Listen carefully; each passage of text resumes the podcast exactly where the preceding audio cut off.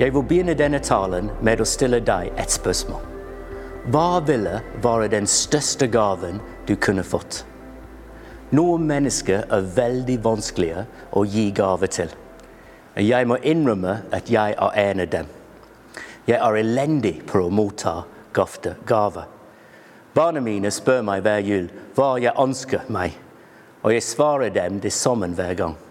Jeg har alt jeg trenger, sier jeg. Og sannheten er, hvis jeg ikke hadde det, ville jeg kjøpt det selv. For meg er det å være sammen med dem og å få en klem alt jeg virkelig vil ha. Kanskje i disse koronatider tenker vi at den største gaven vi kunne fått, var en vaksine. Forhåpentligvis skjer det snart for alle. Men tilbake til spørsmålet. Hva ville være den største gaven du kunne fått? Dagens tekst kommer fra Matteus 21, vers 1-9. Og er starten på en veldig dramatisk uke for Jesus og hans disipler. Og som vi vet, ender opp med at han ble korsfestet, som vi feirer langfredag, og står opp fra de døde påskesøndag. La oss lese Matteus 21, vers 1.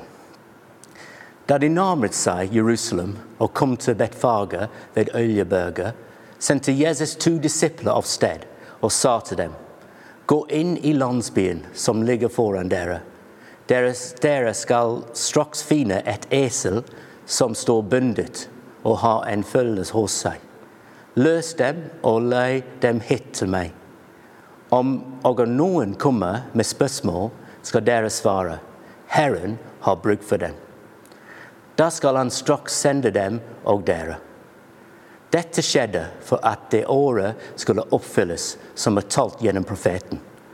Si til datter Sion, se din konge komme til deg, ydmyk av han og rer på et esel og på trekk deres følge.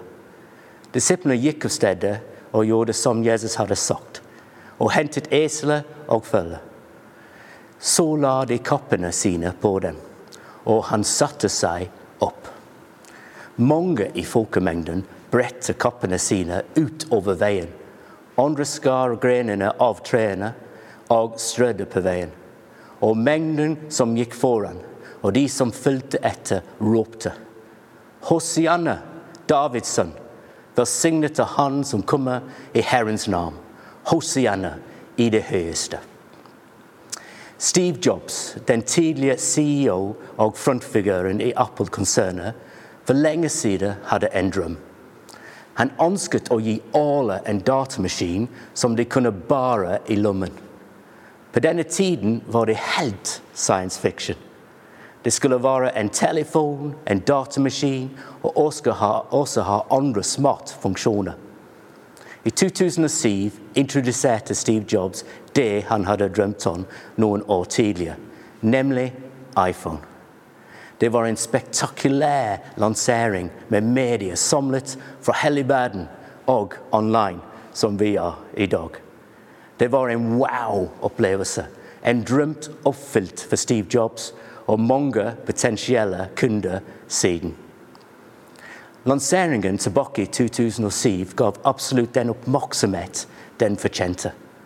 Apples lansering resulterte i en gave for mange og den gav, gav, den gave møter et behov vi ikke forstår vi egentlig hadde. Når vi møter Jesus i Matteus 21, er det hans spektakulære lansering. Før dette hadde Jesus ikke offentliggjort at han var Messias. Jesus rir inn i Jerusalem på et esel og oppfyller selvbevishet profetien i Zakaria kapittel 9, vers 9, fra 500 år før Jesus. Jesus kommer med en offentlig opptreden om at kongen og frelseren har kommet til Jerusalem. Folkemengdene reagerer ved å legge ned palmer. Så hva betyr det at de legger ned disse palmegrenene? Og Hvert år jødene feirer hanukka rundt juletiden. De ser tilbake til 160 år før Jesus, da jødene ble satt fri fra politisk undertrykkelse av den greske imperiet av helten Judas Makabeus. Da Judas Makabeus kom triumferende inn til Jerusalem, la folket palmegrenene ned. Og ved å gjøre det sammen for Jesus, forkynte det Jesus som sin politiske konge og frelse. Messias som har kommet for å redde dem og gi de anser som deres største gave og behov. Politisk frihet fra romerne. Det var definitivt ett av behovene som hastet. Men var det deres viktigste? Var politisk frihet fra undertrykkelse deres største behov? Hva var Jesus sin drøm for dem og for oss? Og Jesus var en annerledes konge. Og det kommer de til å finne ut av i løpet av den neste uke av livet hans. Den mest dramatiske og viktigste uken i hele menneskets historie. De hadde rett på en måte, men forstår verken deres største behov eller den gaven Gud tilbyr oss. Så hvordan hadde de rett? Jesus er den lovende konge, som ble lovet kong David i 2. Samuel kapittel 7, 1000 år før Jesus. Den evige konge over den evige rike, Guds rike, og fra Davids familie. Han er også menneskesønnen som ble lovet i Daniel kapittel 7, skrevet 500 år før Jesus. Kongenes konge, som har den evige dømme og skal motta tilbedelse. Jesus sine drømmer for dem og oss er mer større enn politisk frihet. Drømmen hans er ikke bare liv, men evig liv hos han for alle som vil velge han som herre og frelse. Det kan se ut som at de som skjedde de neste fem dagene for Jesus, var en katastrofe og en drøm som døde.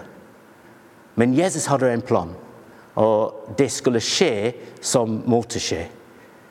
Kanskje det var utenkelig for de rundt ham at Gud ville ydmyke seg selv og gi sitt liv på et kors for oss alle. Men dette var planen, og ville oppfylle den detaljerte profetien som ble gitt til Jesaja over 500 år før Jesus, som vi kan lese i Jesaja kapittel 53. Profeti om at Messias, Guds frelser, ville gitt sitt liv som et offer for mine synder og dine synder. 1. Peter, kapittel 2, 24, vers 24 og kapittel 3, vers 18, sier om Jesus. På sin egen kropp bar han våre synder opp på treet. For Kristus selv led for synder en gang for alle. Den rettferdige for urettferdige, for å føre dere frem til Gud. Med kroppen døde han, med ved ånden ble han gjort levende. Så hvorfor skal Jesus, Gud selv, dø? Hans lidelse på korset betyr at han forstår våre lidelser. Og han vet hva vi går gjennom pga. hans egen erfaring på korset. Jesus sin evne til å identifisere med oss og, våre, og være medfølgende kan gi oss trøst, spesielt i koronatiden. Samtidig betyr hans død mye mer enn dette for oss. Det endelige svaret på hvorfor Jesus døde, er for å betale den prisen vi skulle ha betalt for syndene våre. Og for å oppfylle drømmene hans. For å føre oss frem til Gud, tilgitt og akseptert med Gud for alltid. Så trenger jeg virkelig at han gjorde det. Romerne 3, vers 23 sier at alle har syndet. Kanskje det er vanskelig å innrømme, men den kunne jeg. Når jeg tenker på alt jeg har sagt og gjort og tenkt Uff, ja. Så er sannheten at jeg har gjort mange feil, og jeg virkelig trenger han. Jesus sin drøm er at vi kan være sammen med han for alltid. Og korset betyr at denne gaven er tilgjengelig for oss. Romerne 6, 23 sier syndens lønn er døden, men Guds nådegave er evig liv i Kristus Jesus, vår Herre. Dette må være en gave. Fordi det er ingenting vi selv kan gjøre, verken handling eller år, som kan gjøre oss fortjent til Guds nåde. Efesene 2, 8, vers 9 sier For av nåde er dere frelst ved tro. Det er deres eget verk, men Guds gave. Det hviler ikke på gjerninger for at ingen skal skryte av seg selv. Så Guds største gave er vår så lenge vi innrømmer at vi trenger Jesus, og ønsker å ta imot. En gave som bringer glede, fred og håp. En gave som tar hånd om vår synd og skam. En gave som hjelper oss å se at vi er ønsket, tilgitt, elsket og akseptert av Gud. En utrolig frihetsgave. Så hva er den største gave du kunne fått? Vi begynte med en iPhone, og det er veldig nyttig. Kanskje du tenker en ny bil, et nytt hus. Snart er det påske og får en hytte. Det kunne vært bra. Alt dette er flott. I år pga. covid-19 ville ferdig vaksinering og en mer normal hverdag være fantastisk gave.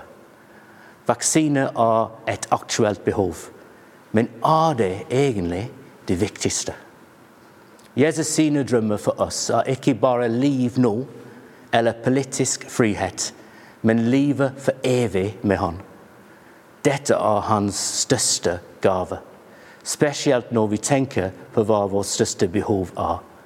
Dette er grunnen til at han ønsker å betale en enorm pris for å ofre seg, fordi han synes du og jeg er verdt det. Så når vi husker denne dramatiske uken i Jesu liv, og faktisk i hele menneskets historie, kan du spørre deg selv har jeg akseptert Guds gave til meg og livet sammen med Han. Den innebærer at du innrømmer hva ditt største behov er for å kunne få den største gave.